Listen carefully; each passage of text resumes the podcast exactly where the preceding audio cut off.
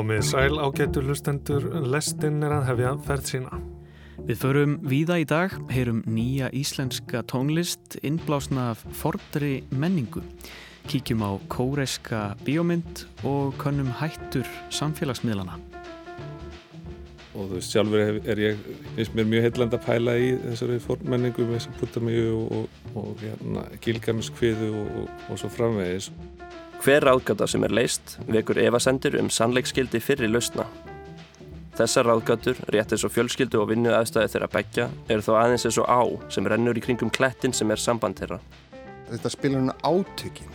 Veist, þetta spilar hún á það að ég held með Trump og þú heldur ekki með Trump og svo eigðum við 6 klukkutímum inn á samfélagsmiðlunum að segja hvort að Trump sé fáiði eða, eða snillingur og síðan bara heldur þetta áfram daginn eftir. Ég heiti Snorri Raffn Hallsson. Og ég heiti Jóhannes Ólafsson og þetta er lestinn miðvíkudaginn 15. februar. Við byrjum hér heima á nýri tónlist og leiðum hugan um leið til fornra menningar heima.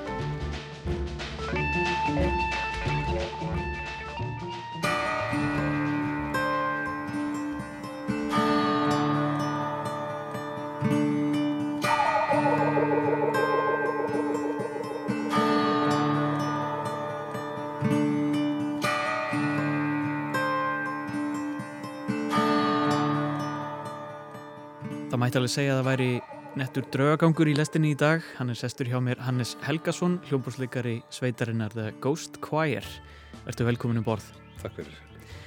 Uh, ég fekk þig hinga til þess að ræða nýja plötu sveitarinnar, aðra plötu Ghost Choir sem kallast Cosmic Setter. Áðurinn ég spyrði út í hana langum með aðeins að forvittnast um þetta samstarf ykkar. Ghost Choir var til fyrir nokkrum árum og þykka út plötu 2020 uh, sem heitir eftir, eftir bandinu og hún var tilnæmt til íslensku tónlistavellununa um, það var sagt um hana á einhverjum, einhverjum stað að, að það væri svona kvikmyndabragur yfir einhverjum, einhverjum á lögunum og, og svona, svona rökkurmyndastemming uh, svo tónlist var svolítið svona jazzskotinn og, og en það tvinnast þarna inn alls konar ströymar og, og stefnur. Og þið komið úr svolítið ólíkum áttum en samt uh, hafið uh, önnur verkefni saman. Var upplegið með þessu að, að svona, hræra upp í alls konar tónlistastefnum eða hvernig, hvernig byrjaði þetta? Já, upplegið var að rauninna að búa til svona hljómsveitar stemningu. Hann Jóhannes sem er í bandinu, hann, hann rauninni hóaði í, í ákveða mannskap sem var komað þessari fyrstu blötu, þessi Haldán á bassa og Haldan Árnarsson, Magnús Tryggvarsson Eliasson á trommur og, og Pétur Hallgrísson á gítar á svo mér. Og hann vissi það alveg að við værum að koma svolítið úr, úr hinn hin og þessu þessum áttum. Og þetta var þannig að svo plata var til mjög lífrænt og, og, ger, og var henni bara allt var samið saman og tekið upp á tveimur helgum. Jóhannes hérna, kom með um, einhver sömpl sem gæti verið bara þryggja sekundna bútur af einhverju rafljóði sem hann lúpaði eða eitthvað annar hljóð. Og þannig náðu við einhvern veginn að fókusa sa saman á einhvern einn punkt sem að var þá og rauninni fara að semja eitthvað svona kollektiv. Þannig að það varði ekki bara eitthvað svona ófókusera djam. Þannig að við náðum allir að, að fókusa á einn punkt og, og við, við sem rauninni aldrei hvert þetta myndi fara og við gerum okkar enga, enga væntingar. Mm. Þannig að, að þetta ferðarlega með sér hljómsitt og hefur verið svolítið þannig og gengið svolítið út á sköpunarferðlega, búið til aðstæður uh, fyrir sköpun og hvernig þú tekur fólk saman úr mismundi áttum þess að fókus á eitthvað eitt og jafnvel íta hver öðru í eitthvað áttu sem það myndir ekki eins og þetta í huga að væri hægt að gera.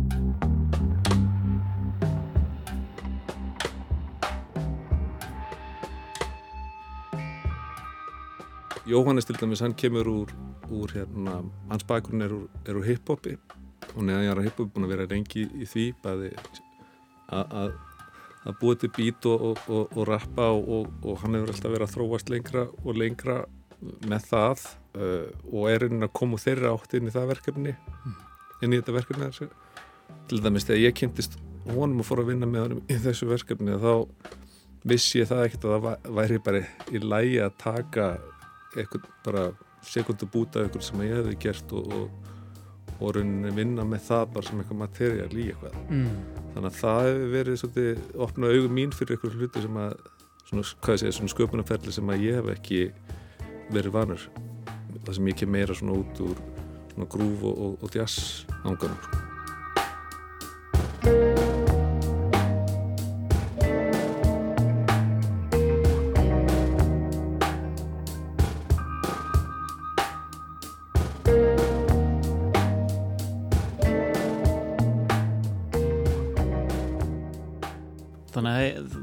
Svona lítið fræ einhvern veginn Já, og úr því verður uh, held, heldar tónverk eða lag. Um, en er það þá í spuna út frá þessu þið, þið, þið spinnið saman? Spinnum saman og semjum saman Mm. en þú veist, þú ert með eitthvað útgangspunkt og svo ef, ef, ef maður hlustar á, á plötuna fyrir, fyrir plötuna, þá er í sumulögum er þetta fræ falið. Já, en stundum þá var þetta rauninni bara eitthvað sem að var síðan bara tekið í burtu sko. þannig að þetta er en þetta fræjar gæti verið bara mjög svona mjög, mjög, mjög, einfalt bara þess að fókus á eitthvað. En síðan ef þú myndir heyra það þetta, heyra þetta fræ, hlusta á þetta fræ eitt að sér að þá, þá myndir ekki detti í hug. Þú veist hvað hva, hva gerist? Þú stildar með sitt lag í, í á plötunni er svona endað með að vera svona hálgjört svona raf uh, mambo lag eða eitthvað svona, Mm. það var komið svona mambo fílingur eitthvað í það. Og það var, það var hérna þér hefði aldrei dottið það í hug þegar þau hlustað á þetta, þetta, þetta fræ sko. Að þetta hefði endað þar en það bara gerðist. Og þannig að þetta er, er, já, þetta er svona spunu og, og einhvern veginn leið til þess að semja saman og þú veist, það hefur gengið mjög vel samstarfið þannig og við einhvern veginn þetta, þetta, þetta var bara bara rosalega auðvelt fyrir ykkur eins og ég segi, öll platan og pluss að enda ekkert allt á þeirri plötu. Við tókum við fleiri eh, náðum að búið til fleiri lög en það sem lendi á plötuna en þetta var einnig hefðum úr ymsa velja og með þess að gáfum út eitt lag á sjötómu sem kom út í 15 eintökum og er ekki til að það lag er ekki til að rafrænu formi allavega annars staðar en á, á okkur um nokkrum tölvum. Já, akkurat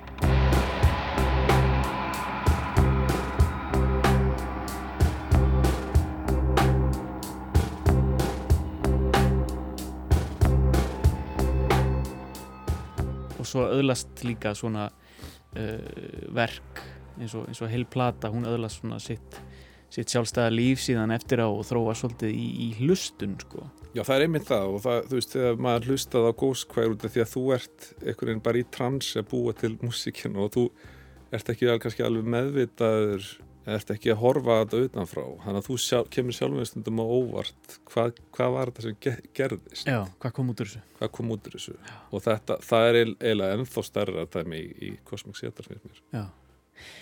Um, En það er engin söngur. Var það, var það alveg skýrt frá byrjun að, að láta hljóðfærin tala frekar? Já, ég held að sé allir fre- frekar þakklandi fyrir það að- að hengin okkur fór að hefja upp röst sína í þessu. Nei. við, þú veist, höfum að, alveg rætt að, að fá, fara í samstarfi í, einhverjum, í einhverju með, með söng, söngurinn, með rétta söngurinn þannig að það, ég myndi ekkit Þú útilokar það útiloka það ekkit í, eitthvað í, í, í, í framtíðinu sko. Nei, en það er smá söngur á nýju blötunin en það er engin orð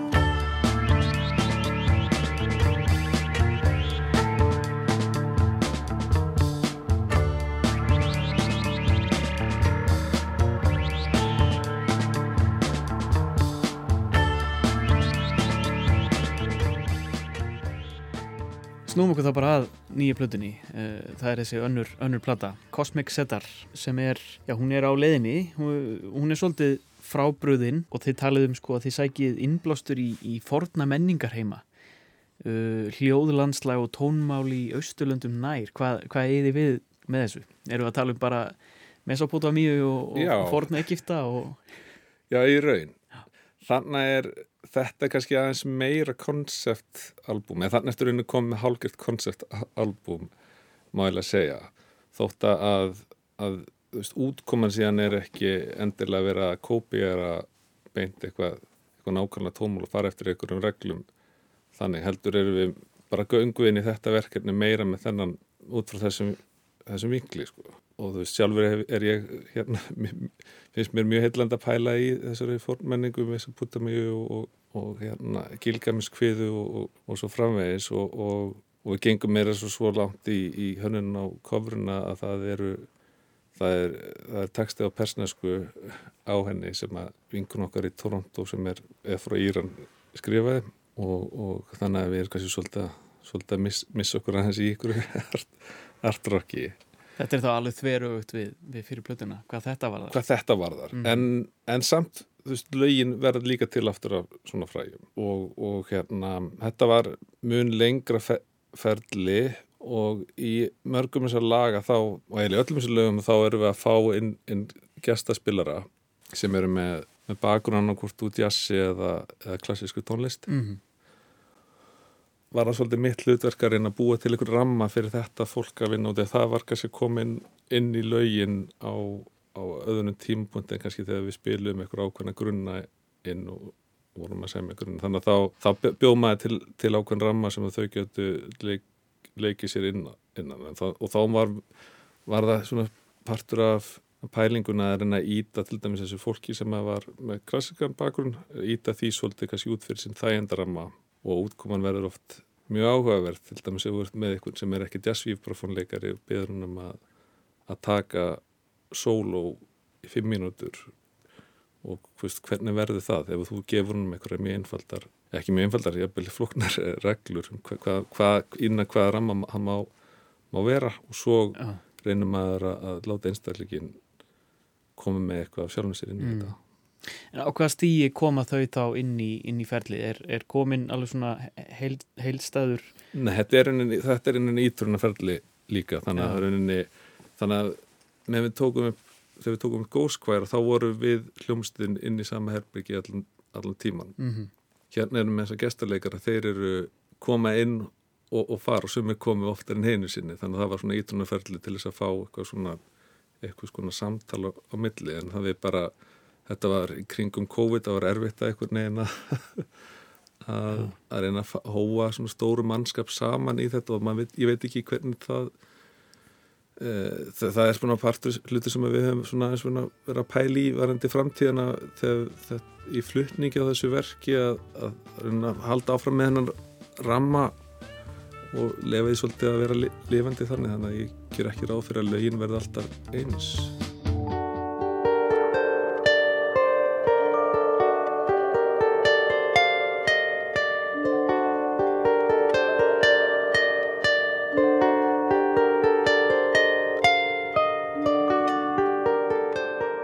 þetta með að, sækja innblástur í forna menningar heima eru þið, er þið allir búinir að vera eh, liggja yfir, yfir þessu eða hvaðan, hvaðan kemur þetta? Í sumum til, til, í, í ákveðin tilfellum í hljómsnum þá kemur þetta rauninu bara með bló, blóðinu þetta því að um, það er einstaklega í verkefni sem eru hérna, eru ætlindir frá þessu, þessu svæði mm. Líbanon og það er rauninni kannski að ástæðin fyrir að við ákvæmum að fara sér leið að taka þetta verkefni sem var hlutið fyrir þann einstakling geta verið eitthvað skonar bara svona huglegging um, um hvaðan hann kemur. Á meðan kannski fyrir aðra, ef við tala bara fyrir sjálfa mig, var þetta bæði bara skoða sögun og menninguna og, og en síðan að pæla hans í tónmálunnu og reyna að gera það svolítið að, að okkar sem takk út eitthvað svona ákveðin elementu því og, og svona svolítið að meitla það í eitthvað ramma sem maður getur unnið innan. Uh, En lagasmíðaferðlið þú segir að hafi verið svolítið svipað hvað var þar, þið voru með svona lítið litla, litla hugmynd, lítið fræ hérna í byrjun en, en þetta vinslan í heild var mun lengri heldur en hún síðasta plata. Já, það er náttúrulega komið miklu, miklu fleiri að þessu. Þú veist, já, COVID spilar inn, inn í og við tókum hana upp á fleirin einu stað mm -hmm. og, og meðan fyrirplatan var öll tekin bara upp í einu, einu sam, og sama rýminu þannig að það var bara allt miklu miklu starf og, og við meira flóknara við, við, við þetta mm -hmm. Og það hefur haft sín áhrif á, á uh, hvernig, hvernig tiltókst eða hljóðheiminn? Já, alveg með heiklust það var, það var erfiðara einhvern veginn að, að vinna úr þessu en, en hitt út í þetta var bara þetta umfangi var orðið svo rosalega stórt. Um, en það er líka uh, stert sko myndmál. Uh, segð mér aðeins frá þessu samstarfi við, við myndlistamanni Þorstein Davíðsson sem að uh, vinnur að myndheimi plötunar Hva, hva, hvaða verkefni fekk hann í hendunar hva, hvena kemur hann inn í þetta? Hann kemur inn í þetta bara bara eiginlega strax í upphafi. Og það er einmitt mjög mikilvægt fræ sem að kannski maður sem að maður kannski, sem ég glimta að nefna á hann sko, það þeir sem að skoða, mynd, skoða myndina sem tengjast plötunni sjá það er náttúrulega tilvísinar inn í, í forna menningar heima og, og, og, og rætur og, annað mm -hmm. Það, það slæðir svolítið tónin og það er hérna, geimurinn er hérna inn í þessu og ég, og maður fekk að sjá skissur af þessu verki bara er unin áðurum við, við löðum almennilega stað. Já, Þannig að maður veit ekki hversu mikil áhrif það hefur en það var, þannig að nafnaverkefnum var ákveðið strax í, í upphafi, Mm. Cosmic Setar og myndmálið það, og það hefur einhvern veginn áhrif á hvert þetta þróast en það er alveg, alveg hygglust sko. Þannig að það kemur ekkert óvart að það skapi eitthvað svona, svona myndræn svona hugsana, verði eitthvað svona myndræn hugsanatengst eins og í fyrir plötun þó að það hafi ekki verið neitt ákveðið myndmáli í, uppafið þar sko. Mm. En þetta er svona, að við unnum mjög náðu með honum í, í því og það, það hafi hygglust áhrif og nú er þetta uh, tilbúið. Uh, eftir aðeins lengra ferli er, er tilfinningin öðruvísi að koma þessar út eftir, eftir meira, meira bras, meira vinnu? Já, þetta er náttúrulega alveg þetta er það stórt, þú veist að það þegar því finnst, finnst mér fannst mér allavega hana, ég er ekki vanur að vinna svona stór tónlistarlega verkefni en, en þetta, þetta þurfti ansi margt að gerast þess að þetta myndi ganga upp, þannig að mér finnst að þannig að ég er mjög stoltur á okkur að hafa náða að klára þetta Já. en, staðin fyrir að gefast upp þetta varð, þetta varða einhverju skrimsli eins og fyrra verkið hérna, það góðskværi það var bara svona mjög auðveldfæðing Já. og að, að hérna, þá var þetta aðeins erfiðari, erfiðari fæðing og, og öðru sér ferðalag en þetta var ferðalag allan tíman og maður vissi ekkert hvert þetta, hvert þetta myndi enda þetta var hvað, hvað segja, þetta, þetta var til svona bara á leiðinni þannig að maður horfir tilbaka og maður og, og getur hlusta á þetta svona eins og í fyrir plötinu þá hvað gerðist eiginlega, það er eiginlega sama hér en Mm. þetta er miklu lengri, lengra ferðalag þetta eru eh, marg laga Já. Og, uh, hún er svona bara rétt ókomin Já. uh, og við hérna, munum hlusta hérna á afraksturinn en uh, framöndan er svona þeir, þeir eru að fara að fagna útgáfinni, það verður svona útgáfa hóf núnum helgina og, og svo útgáfa tónleikar uh, í, í mars, ekki satt? Jú, hann verður útgáfa hófi í, í Lucky Records klukkan þrjú næsta lögadag við ætlum bara að fagna með, með hópnum þar og bara spila plötun á vínil hún er bara gefin út í, í 300 eintökum á, á vínil, tvöföld vínilplata uh, og við hefum ekki drætt að gera neitt meira, ég held að þetta verði bara, bara svona. Svo í mars að þá planið að halda útgáfa tónleika í mengi 11. mars og það verður þá bara auðvitað síðar um, það verður ekki allt bandið það verður samt gestaspilari Já. en planið er að vonandi síðar árunum mun ykkur takast að, að flytja þetta allt með, með hópnum sem koma að plötunni Hannes Helgason úr The Ghost Choir takk fyrir að koma í, í lestin og, og gangi ykkur vel í þessu nýja ferðalagi Takk fyrir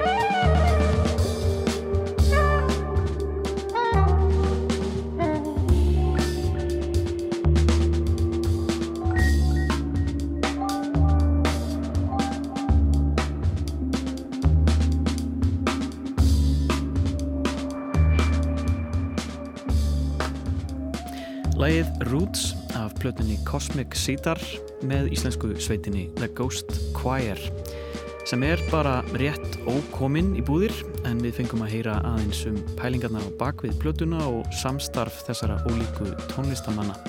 Það var Hannes Helgason, hljómborsleikari sem sagði okkur frá spunatónlist, frídjassi og áhrifum frá fornum menningarheimum. Og við höldum okkur við fjarlaga menningarheima. Lestinn hefur vartla hort á neitt nema kórest sjónvarp og bíómyndir í vikunni. Og við kynum til leiks nýjan kvikmyndarinni þáttarins. Það er Kolbeinn Rastrik sem flytur okkur nú sinn fyrsta pistil og hann er um söður kóresku kvikmyndina Decision to Leave. Eins og eflust margir hlustendur hafa heyrt voru tilnefningar til 1950 Óskarsvölunina tilkynntar í loki januar. Þar með hófst hinn árlega og þræl skemmtilega hefð kvikmynda áhuga fólks að þræta um tilnefningarnar.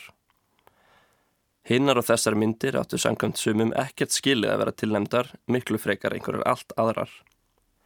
Þessi hefð er tilvalindara dvöl eina köldu og dimmu fyrstu mánuði ársins þar sem það eina sem þarf til að taka þátt er aðgangur að samfélagsmiðlum og bíómyndir til þess að hafa skoðanir á. Þegar þáttakundur í þessari hefð hafa svo raugrætt málinn fram, aftur og í ringi og umræðir viðast vera stranda, brestur á með verluna afhendingunni um miðan mars með tilherandi pompi og prækt. Í kjölfarið verða til nýjir óskarsveluna hafar, nýjar dramatískar uppákomur og að sjálfsögðu ný tækifæri til þess að fussa og sveia yfir valið domnendarinnar. Einn af þeim myndum sem kveikmynda áhuga fólk nixlaðist á að hafa ekki verið tilnæmd í ár kóraska myndin Decision to Leave eftir Park Chan-wook sem er líklega stektastur fyrir Hazar hendarmyndina Oldboy frá árunni 2003. Þrátt fyrir að Decision to Leave hafið sópað að sér verlunum og tilnemningum á kvikmyndaháttíðunum út um allan heim og Chan-wook til að mynda valin besti leiksturinn á kann kvikmyndaháttíðinni var myndin ekki tilnemd til Óskarsvöluna í einum einasta flokki. Það kom því ekki óvart að daginn sem ég fór á án í bíó var hún síndi í sál 3 í Bíóparadís, minsta sál kvikmyndahúsins og meðan kveikmyndinar sem síndar voru í starri sölum húsins hafi verið tilnæmdar til Óskarsvölunarna. Ég var spenntur að sjá Decision to Leave og hefði líka verið það þótt hún hefði ekki verið tilnæmd. Fyrri myndir Park Chan-wook hafa hrifið mig og hann er svo sannlega engin nýgraðingur þegar kemur að því að búa til kveikmyndir. Með popagós í hönd settist því niður í sál þrjú fullur eftirvendingar og bjómi undir að geta annarkort fussa og sveia yfir Óskarsakadéminni eða tekið undir með henni.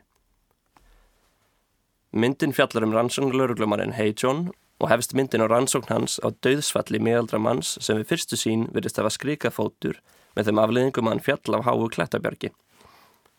Maðurinn er þó þullreindur fjallkungukappi og kleið þetta bjarg oft og mörgun sinnum og dregur Hey John það í efa að þetta hafa verið slís. Málinn flækjast enn frekar þegar Sorey, eigin kona hins látna, er tekinn til yfirheyslu hún virðist ekki kipa sér neitt sérstaklega upp við döðsfalli. Í yfirheyslinu sínir Sórei lauruglunni áverka sem hún segir einmannin hafa veitt sér.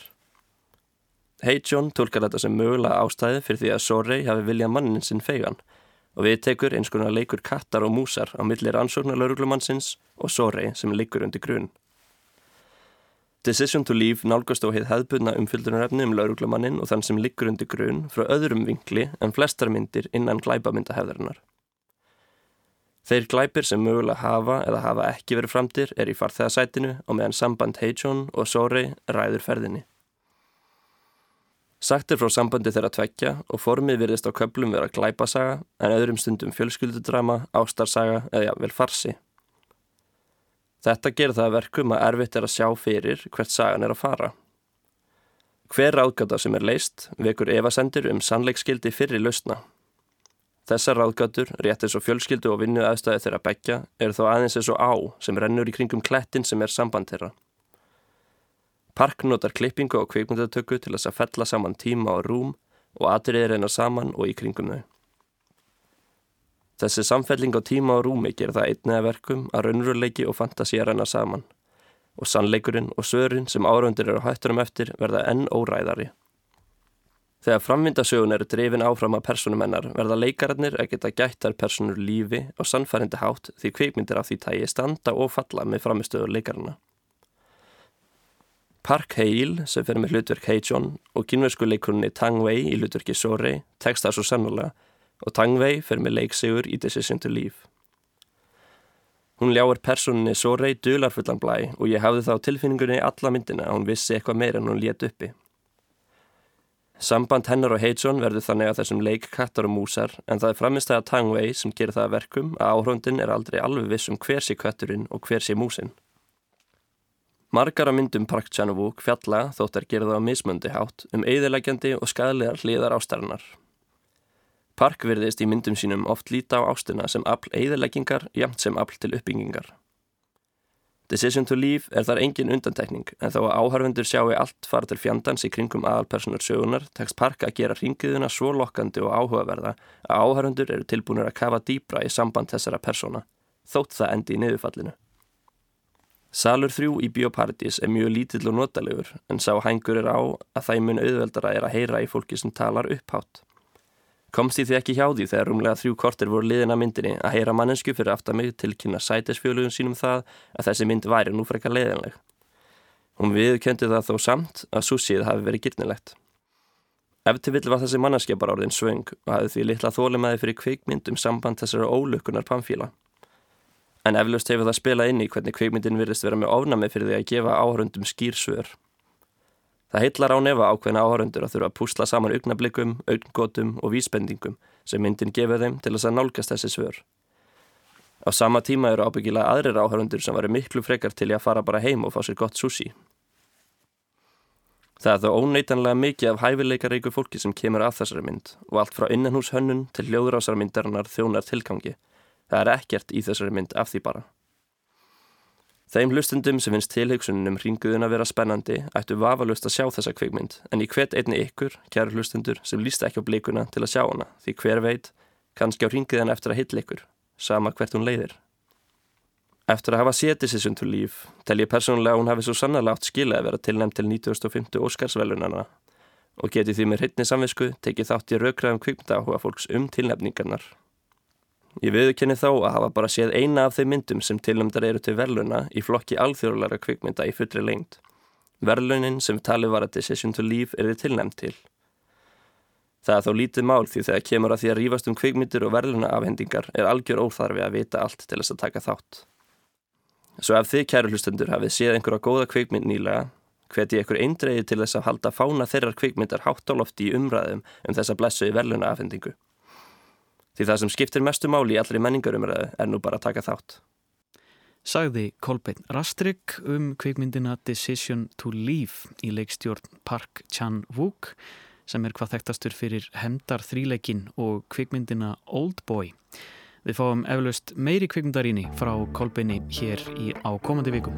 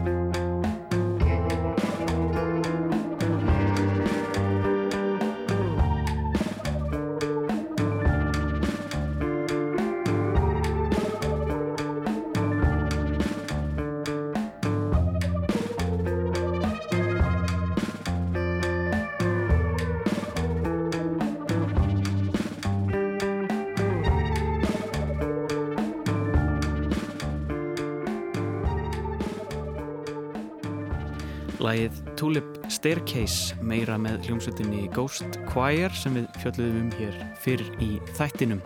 Þetta er af þeirra fyrstu plötu frá 2020. En þá að mínu uppáhaldshauðarefni, hættum tækninar. Ég kíkti á bókina The Chaos Machine eftir Max Fischer og fekk Gaug Úlvarsson til mín að ræða djúbstæð áhrif samfélagsmeila á heiminn.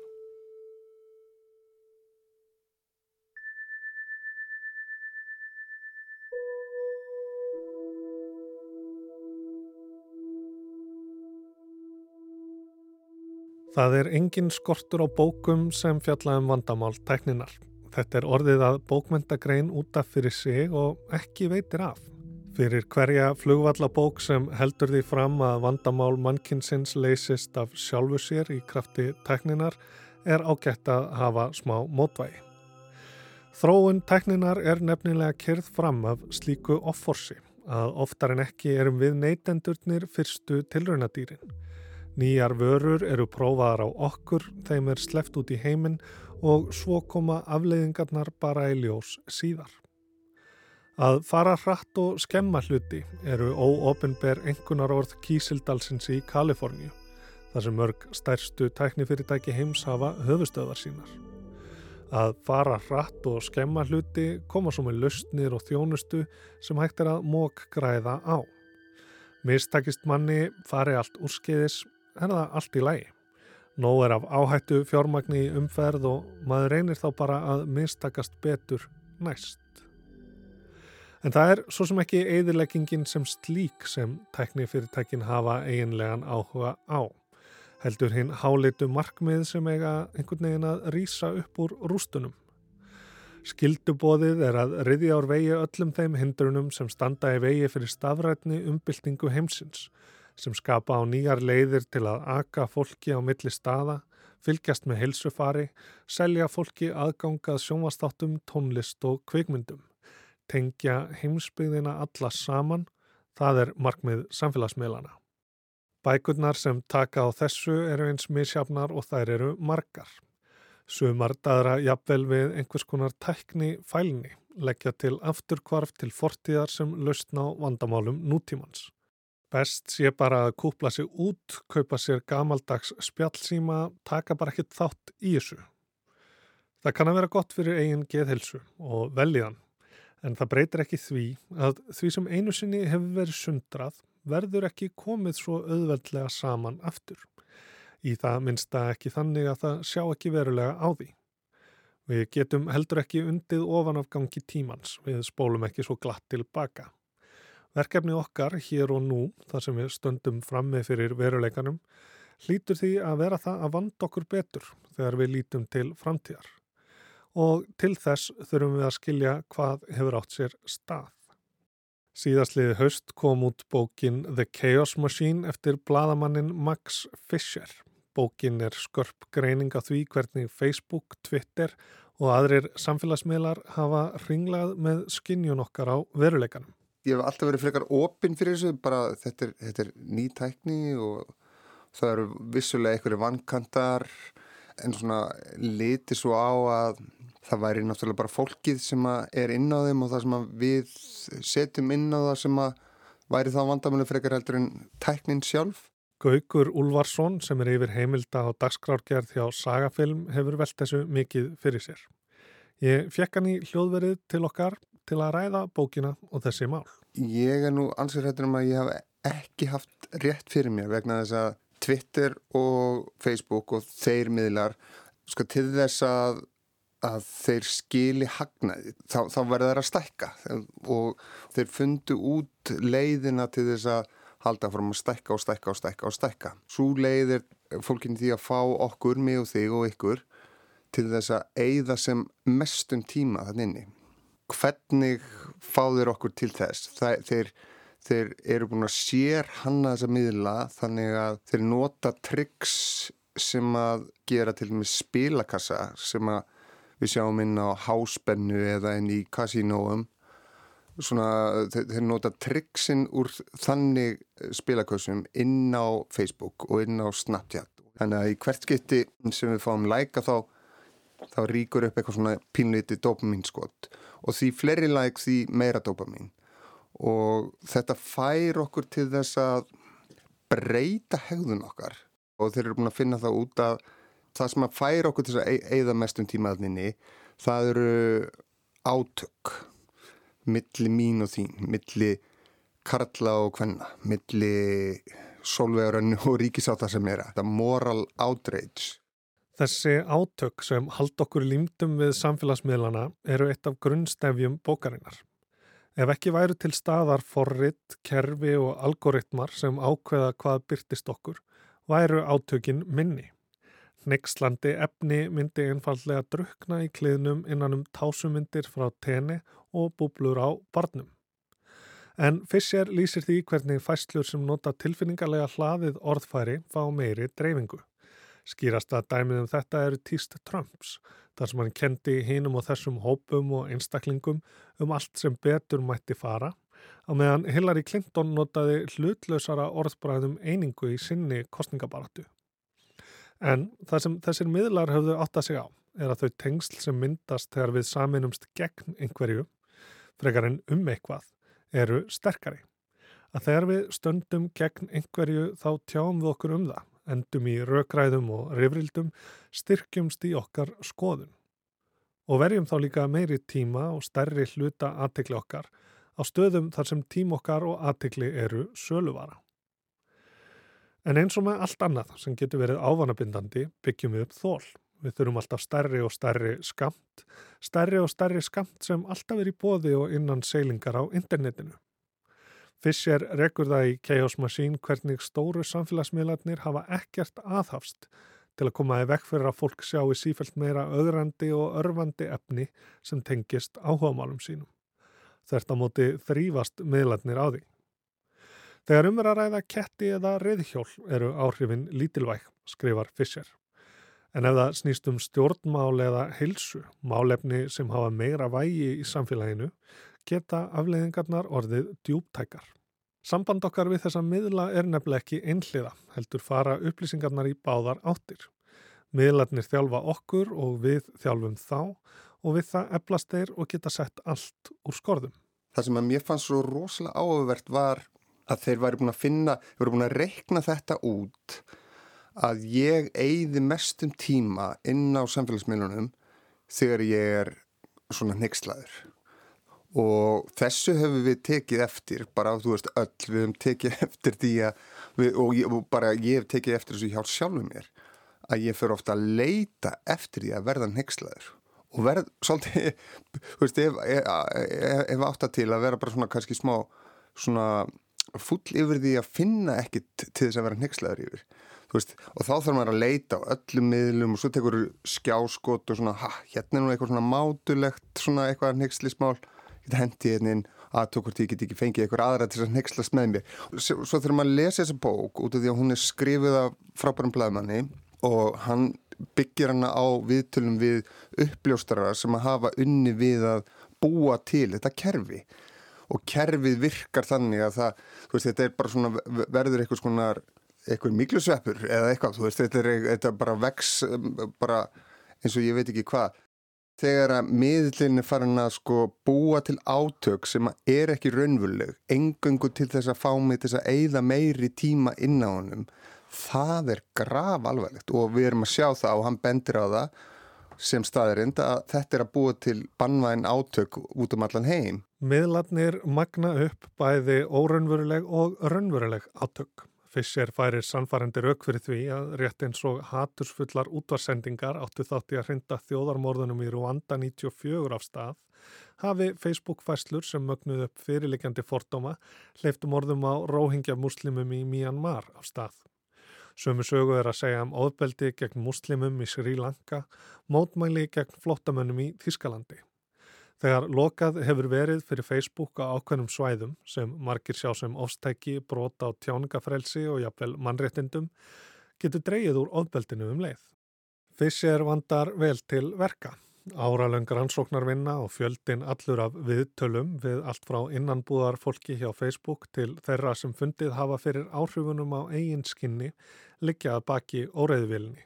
Þetta er rosalega stóru mikil bók og það kemur margt fram að það það eru rannsóknir sem hafa verið gerðar og, og viðtöl við fólk sem hefur sjálft einhvern veginn dreyjist inn í eitthvað sem það trúði ekki beilinnis á fyrir áður en það datt inn í eitthvað svona lúpu af, af einhverju kannuhólu á internetinu að það fer svona að líti baksinn speilun og reyna átt að sjá því hvernig það er allt í hennu komið þangar sem það er statt. Það fólk segir til dæmis uh, mjög mikið að það fylgist ekki með frettum. Það les ekki blöðin, les ekki frettir miðlana, hlustar ekki á útarsfrettir, horfur ekki á sjónvarsfrettir. Og það segir bara beint út að það fær alla sína frettir á Facebook. Og þetta er stór hættulegt. Og, það segir benninis að ég, ég fæ alla mínu fréttir á Facebook og þannig get ég ákveðið hvaða fréttir ég fæ. Og þetta er svakalegt.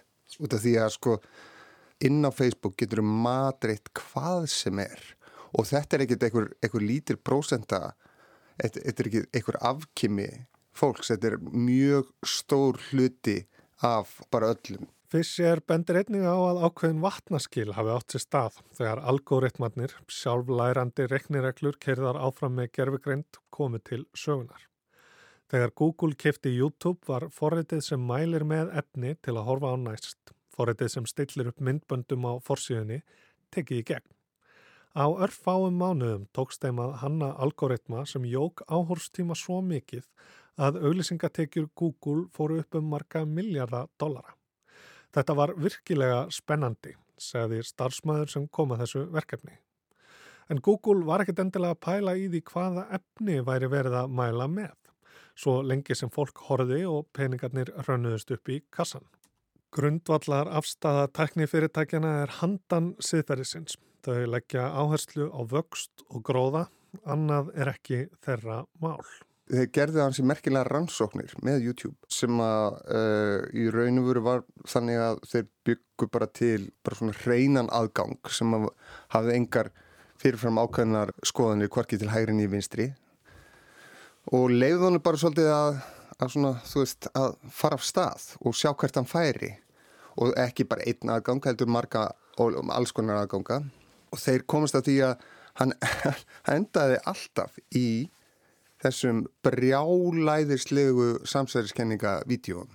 Ég hef tekið eftir þessu bara hjá fólki sem maður þekkir ágætlega, sem, að, sem hefur dottið alveg ofan í rækilega eh, kanninuhóluna og er að deila YouTube-vídeóum. Þannig að kemur þetta saman, sko, fólki sem horfur ekki fréttir, treystir ekki fréttum. Svo ertu náttúrulega með stjórnmálamenn sem að tala um að frettir séu ekki raunverulegar. Þarna ertu allt í norðin þáttakandi í einhverju batmanmynd og allt er orðið mjög rugglingslegt.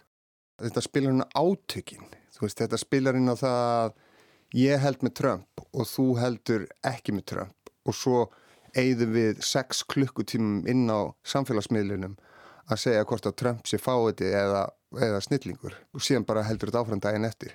Og YouTube og Facebook og Twitter vinnur. Það er svolítið síðan ég hætti að nota Twitter út í að Twitter er svakalega áverðanbindandi en hann er líka mann, mann líður ekki vel eftir að hafa eitt kannski, kannski klukkutíma að renna yfir komment og hugmyndir fólks inn á Twitter út í að það, það er eitthvað svona sem að það er eitthvað tilfinning sem að vaknar sem að þú veist, sem er ekki raunvöldleg maður finnur, maður, maður uppgöttaða að þetta er, þetta endur speklar ekki hvorki þjóðfélagin er raunveruleikan.